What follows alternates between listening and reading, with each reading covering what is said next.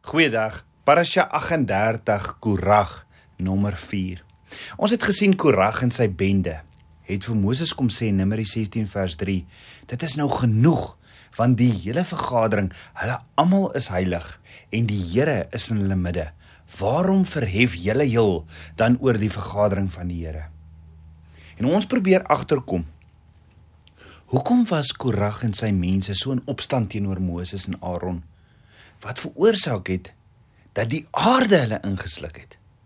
Of wat as daar 'n ander storie is in die agtergrond verskuil en ons sien dit dalk nie? Wat as die opstand van Korag nie regtig in hierdie week se parasha bespreek word nie? Onthou Korag is van Kehat, een van die Levitiese families. En ons weet die familie van Kehat het gewerk in die tabernakel. Ja, hulle het die instrumente van die tabernakel deur die woestyn gedra terwyl die kinders van Israel van die een stop na die volgende gereis het agter die wolk in die dag en die vuur kolom in die nag. Nou hoe kon dit Korag tot opstand gebring het? Kom ons ondersoek dit. En mag net Abba Vader se woord sy woord vir ons verduidelik.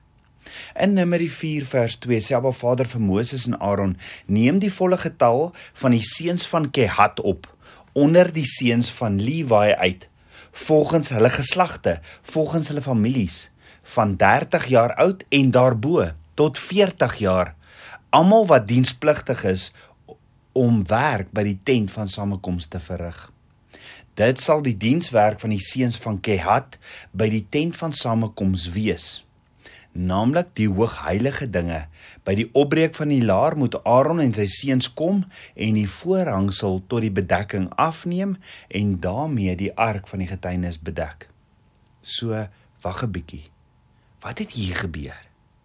Abba Vader begin deur vir Moses en Aaron te sê, dit is die taak van Kehat, Korag hulle.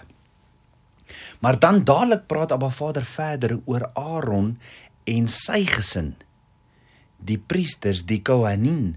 Dis die neefies en niggies van Kehat en wat hulle as priesters dan moet doen.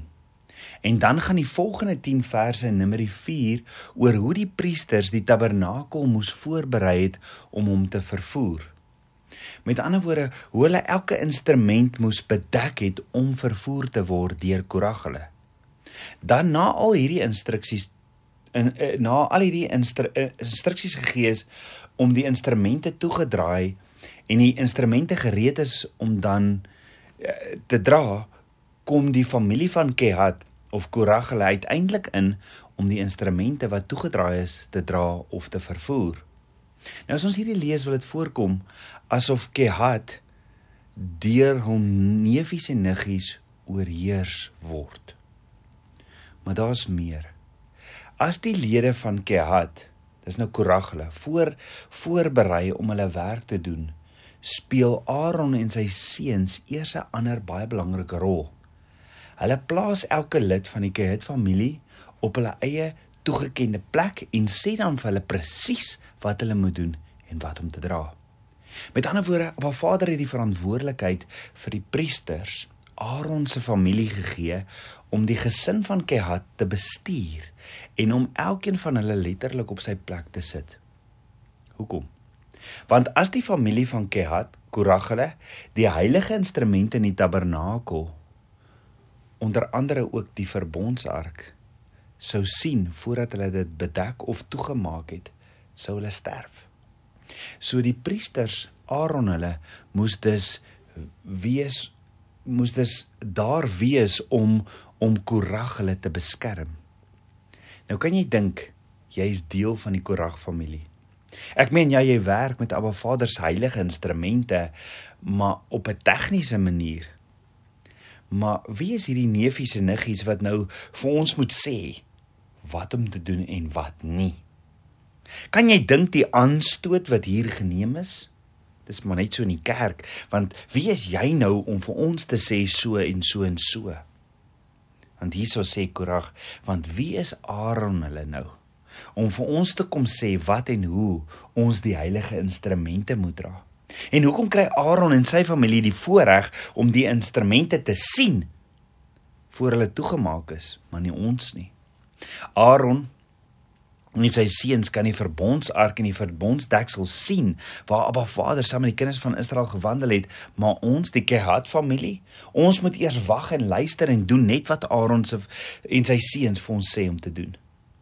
En ek is seker die Kehat, die Kehat familie het het moeg geraak om te hoor, staan hier, nee moenie daar so raak nie, nee moenie loer nie. Goed gereed, lig nou op, okay, stap. En dit laat my dink aan hoe my eie vrou voel oor kamp in 'n karavaan. Jy sal nooit kry om te gaan kamp in 'n karavaan nie as gevolg van haar jonger dae. Toe daar vir hulle as kinders die heeltyd vertel was hoe en wat hulle moet doen met die opslaan en afslaan van die karavaan. As gevolg van haar kinderdae ervaring, wil sy vandag niks daarmee te doen hê nie. En wil sy nie eers meer kamp nie. So my vrou verstaan presies hoe die Kahat familie dalk moes gevoel het. Dit is asof die priesters die Kahat familie moes oppas. En hulle is tog almal neefies en niggies. So ja, albei families werk in die tabernakel, maar Aaron hulle kry al die glorie. En hulle hulle hulle kry dit reg om die shots te te gee as ek dit so kan stel. En die Korag familie, hulle moet net doen wat Aaron en sy seuns vir hulle sê om te doen. Kan jy sien hoekom Korag dalk in opstand gekom het met Aaron en Moses. Ek meen hulle is almal van dieselfde familie en is dit hoekom Korag in Numeri 16 vers 3 vir Moses en Aaron nie dalk sê dit is nou genoeg want die hele vergadering, hulle almal is heilig en Jahweh is in hulle midde. Waarom verhef julle hele Moses en Aaron dan oor die vergadering van Jahweh? Maar dink daaroor. Hoekom het Korag nie net gesê Ek het genoeg gehad van julle baba sit en instruksies. Ek en my familie kan die instrumente net so goed soos julle en julle familie toedraai of bedek. Ons sal bietjie die instrumente toedraai en dan wag jy Aaron en jou familie buite om dit alles te kom dra soos ons vir julle sê. Maar ons weet dis nie wat gebeur het nie. Nee, Korag sê toe eerder, hoorie, dis nou genoeg.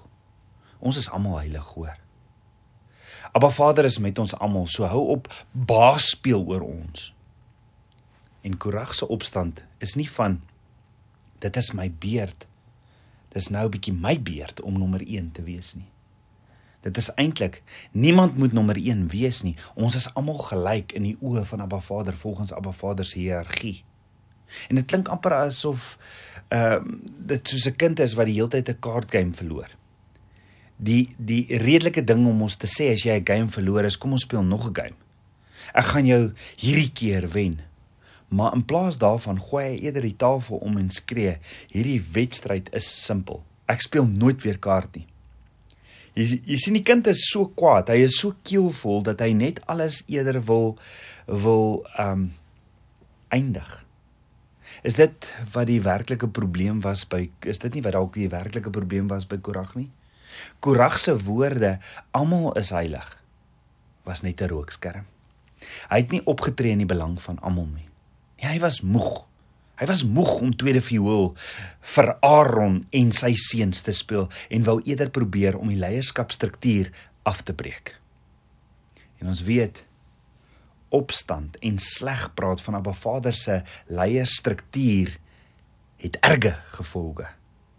'n paar jaar terug het iemand my gebel en vir my gesê ehm um, met my hulle pastoor bespreek en gesê hulle is nou 'n klompie wat hierdie pastoor gaan aanvat. En my woorde was julle julle beweeg op baie baie baie gevaarlike grond. Moet dit eerder nie doen nie. Bid eerder vir die pastoor. Want ek kan ek kan jou waarborg. Julle weet nie waar dit reg gaan nie. En ons gaan môre 'n bietjie kyk wat is 'n ander alternatief wat Korag na Moses toe moes gekom het. Wat leer Yeshua ons? Die punt is as jy vandag voel soos Korag, val eerder dadelik op die grond neer op jou knieë voor Papa God as wat jy dink jy het die reg en kan 'n aangestelde van Abba Vader beskinder, sleg sê of aanval. So ons verstaan wat Korag so woedend en in opstand gebring het, maar hoor gou-gou Daar is 'n brandende vraag wat die woord ons moet leer en moet antwoord en dit is hoekom lewendig insluk deur die aarde. Hoekom spesifiek dit? Omdat die familie van Korag, Kehat, moes ekstra versigtig wees om nie die instrumente van die tabernakel aan te raak of sien voordat dit bedek was nie. Ja, maar Vader sê uitdruklik in, in Numeri 4 vers 15: Eers nadat Aaron en sy seuns by die opbreek van die laar klaar is met die toemaak van die heiligdom en van al die gereedskap van die heiligdom, moet die seuns van Kehat kom om dit te dra. Maar hulle mag nie aan die heilige dinge raak nie sodat hulle nie sterwe nie. Hierdie dinge is dit wat die seuns van Kehat moet dra van die tent van samekoms.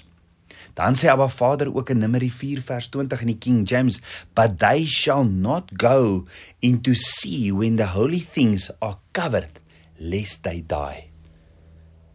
Nou covered is die woordjie bala in Hebreëus wat letterlik beteken hoor gehou om in te sluk. So die toemaak van die heilige instrumente word ingesluk deur hul bedekking. So ons het hier hierdie twee gedeeltes. Koragele wat ingesluk en dood is as gevolg van rebellie en Abba Vader se instruksie vir Koragele om nie die tabernakel in te gaan as die instrumente nie bedek ingesluk is nie, want dan gaan hulle doodgaan. Met ander woorde, die een gedeelte gaan oor rebellie en die ander gedeelte gaan oor die instrumente wat bedek ingesluk moet wees. So kan ek gou-gou weer vra. Wat word ingesluk in die tabernakel? Die heilige instrumente, nê? Nee. OK, en wie was ingesluk deur die aarde? Korag en sy volgelinge, nê. Nee. Onthou wat het Korag nou weer vir Moses en Aaron gesê? Dat almal heilig, kadosh in Hebreëus wat beteken afgesonderd is, nê. Nee. Korag het beweer dat almal heilig is. As Abba Vader dis die instrumente in die tabernakel heilig genoem en Korag het hulle self heilig genoem, dan lyk dit of Korag hulle hulle self op een of ander manier met Abba Vader se heilige instrumente vergelyk het, is dit nie? Miskien is dit die rede waarom Korag ingesluk is. Want dit is mos wat met heilige dinge gebeur, dan nie? Hulle word bedek, hulle word ingesluk. Kan dit wees? Kom ons kyk vir 'n laaste keer na wat Korag vir Moses gesê het in Numeri 16 vers 3 in die King James. You take too much upon you, seeing all the congregation are holy. In Hebrews kadosh. Every one of them and the Lord is amongst them. Nou die Hebreëse woord vir and the Lord is among among them is betocham. Betocham. Hoor gou-gou, dit is nie die eerste keer dat kadosh wat heilig beteken en betogam wat beteken a lord is among them saam in dieselfde sin gebruik word nie. Nee, dis dieselfde twee woorde wat Abba Vader gebruik het in sy eerste opdrag oor die tabernakel.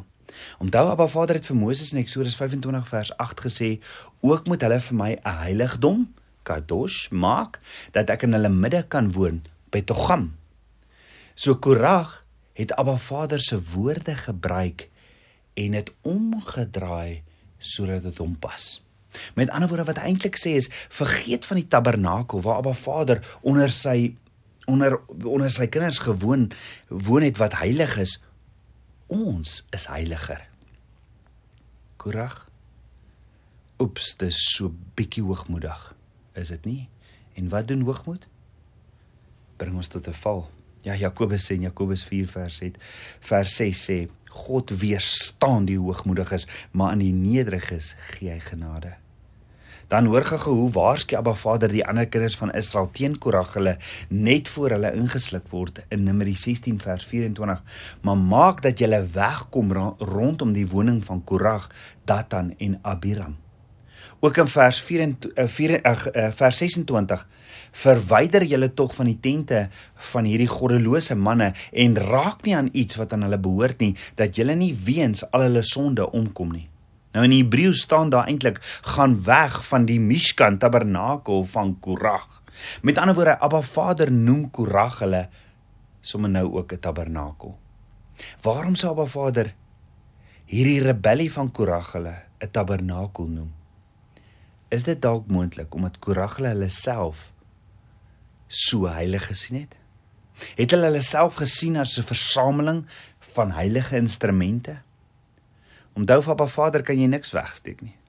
Hy ken die intensie van jou hart en antwoord eintlik vir Korag hulle terug deur te sê: "Jy wat dink jy julle is so heilig, maar eintlik is julle in opstand teenoor my.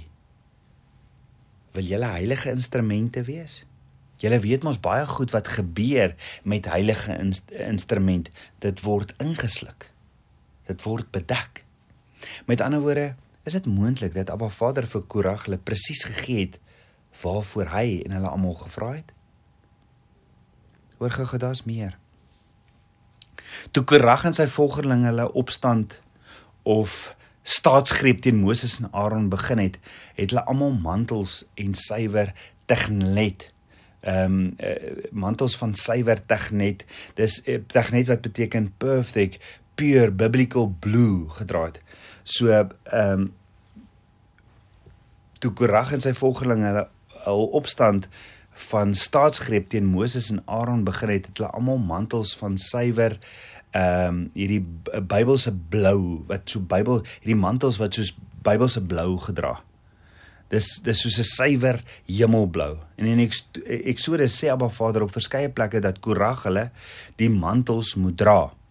Dit was die kleermantel wat Korag en al die kinders van Israel gesien het elke keer as hulle hulle werk doen om die instrumente van die tabernakel dra.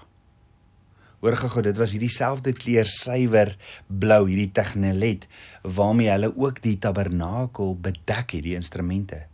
Met ander woorde, dit was dieselfde kleur materiaal wat teen die vel van Korag se nek gevryf het terwyl hy die ark deur die woestyn gedra het. Onthou dit was ook die kledingstuk van tegnelet ehm um, wat oor die ark was wat hy nooit kon oplig om te kyk nie. Ja, hierdie helder blou kledingstuk oor die ark was die skeiding tussen hom en die allerheiligste instrument. So dit was asof Korag die ark se hemelblou kledingstuk om hom om homself en sy volgelinge gegooi toe hy vir Moses gesê het dit is nou genoeg want die hele vergadering hulle almal is heilig en die Here is in hulle midde. En op die manier het hy basies die instruksies van Kehat wat Abba Vader vir hulle gegee het oortree. Want sien die ark wat heilig is, is veronderstel om toe te bly of bedek te bly. So hoekom het Korag in opstand gekom? Hy en sy familie was moeg om na die priesters te luister en tweede viool te speel. Tabernakels kind van Abba. Het jy dalk al ooit soos Korag gevoel en gedink Ek wens ek kan sy of haar posisie in die bruid van Yeshua kry of in die kerk kry. Hoekom het hy die voorreg om almal te sê doen dit en doen dat en doen dit? Hoekom luister niemand vir my nie en hoekom kan ek nie ook daardie posisie inneem nie? Wees baie versigtig want Korag het in 'n struik van van eie sinnigheid, selfgesentreerdheid en hoogmoed getrap. Want as jy enige iemand byvoorbeeld uit die stam van Simon sou vra, is daardie Korag ouens belangrik wat die instrumente van die tabernakel dra? Dan sou enige een van hulle jou geantwoord het en gesê het Korag, soos in Korag van Kehat? Ja, Jesus. Hulle dra Abba Vader se heilige ark op hulle skouers. Korag hulle is soos engele. Ja, hulle is baie bevoorregte kinders van Abba Vader. Maar Korag en sy volgelinge kon egter nie sien hoe kosbaar, waardevol en uniek hulle rolle in die koninkryk van God was nie. Korag was so gefokus oor wat Abba Vader nie vir hom gegee het nie en wat Abba Vader van Aaron en Moses gevra het en oor wat die mense sê dat hy geen waarde in sy eie posisie kon vind nie. En die vraag is hoekom kyk na ander en nie fokus op jou eie intieme verhouding met Papa God nie? Is jy in opstand teenoor Abba Vader omdat jy jaloers is oor ander rolle of gawes wat Abba Vader vir ander gegee het?